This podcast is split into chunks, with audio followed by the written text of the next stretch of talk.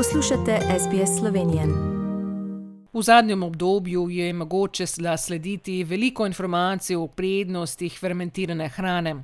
To vrstna hrana prihaja z različnih koncev sveta in nastaja s postopkom fermentacije. Ali gre za zgolj novo modno muho ali kaj več, dr. Belevičeva in seveda najprej lepo zdrav na slovenski judaj v Avstraliji. Lepo zdrav tudi vam. No, že stoletja se eh, v naši kulinariki in seveda po svetu s postopkom fermentacije podaljšuje rok uporabe. Gre recimo za jogurt, kislo mleko, sir, kislo zelje, kis, vino, pivo, sojno mako, črni čaj in druga živila. Torej ne gre za kaj novega, gre za popolnoma naraven proces eh, razgradnje organskih snovi, običajno sladkorja, ki se zgodi ob ustreznih pogojih in ob pomoči različnih mikroorganizmov, torej kvas, kvasov, mlečno-kislih bakterij, plesni in podobno.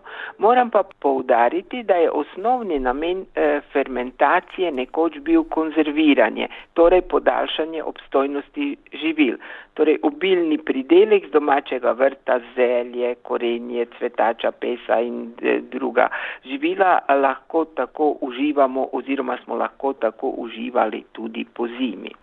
Ali fermentacija vpliva tudi na kvaliteto živila?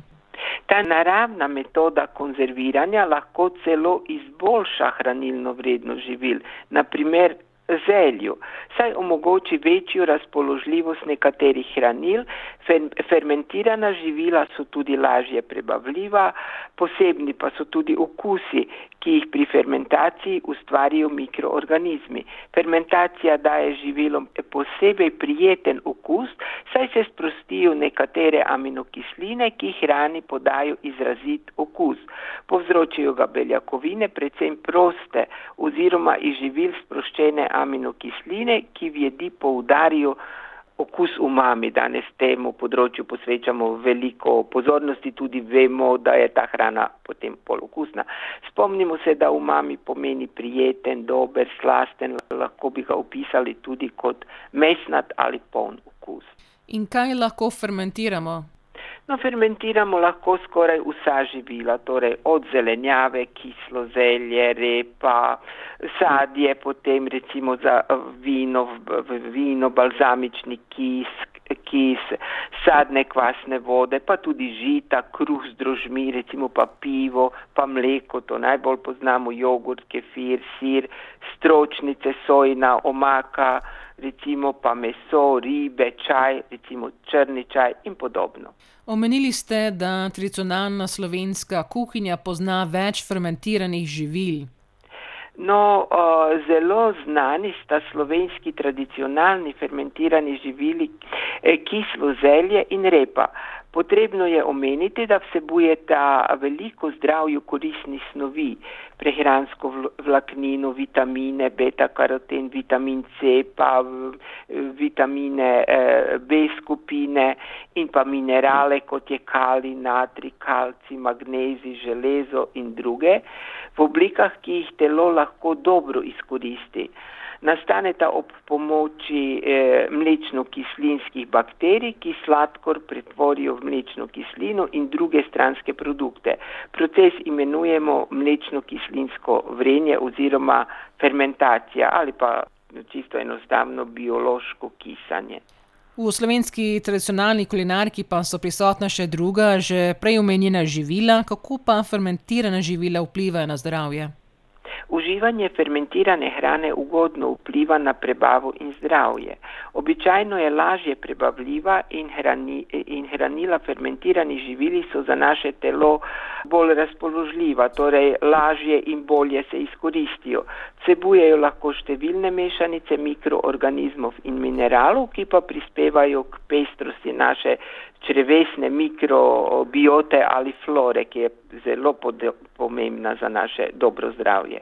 Moramo pa vendarle vedeti, da če fermentirano hrano skuhamo, ne bo več vsebovala živih bakterij, enako velja za pasterizirana fermentirana živila.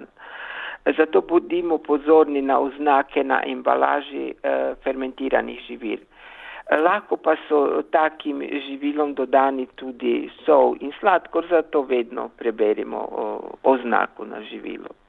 Torej, uživamo fermentirane izdelke v okviru vsakdanje pestre in uravnotežene prehrane. Kakšne vse pa ste nam danes pripravili?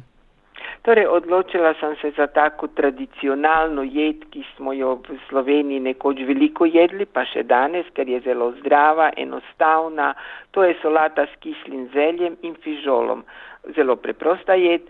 Potrebujemo 50 dekagramov kislega zelja, približno 30 dekagramov kuhanega fižola, potem česen po okusu, 2 do 3 eh, žlice bučnega olja in pa žlico bučnih semen.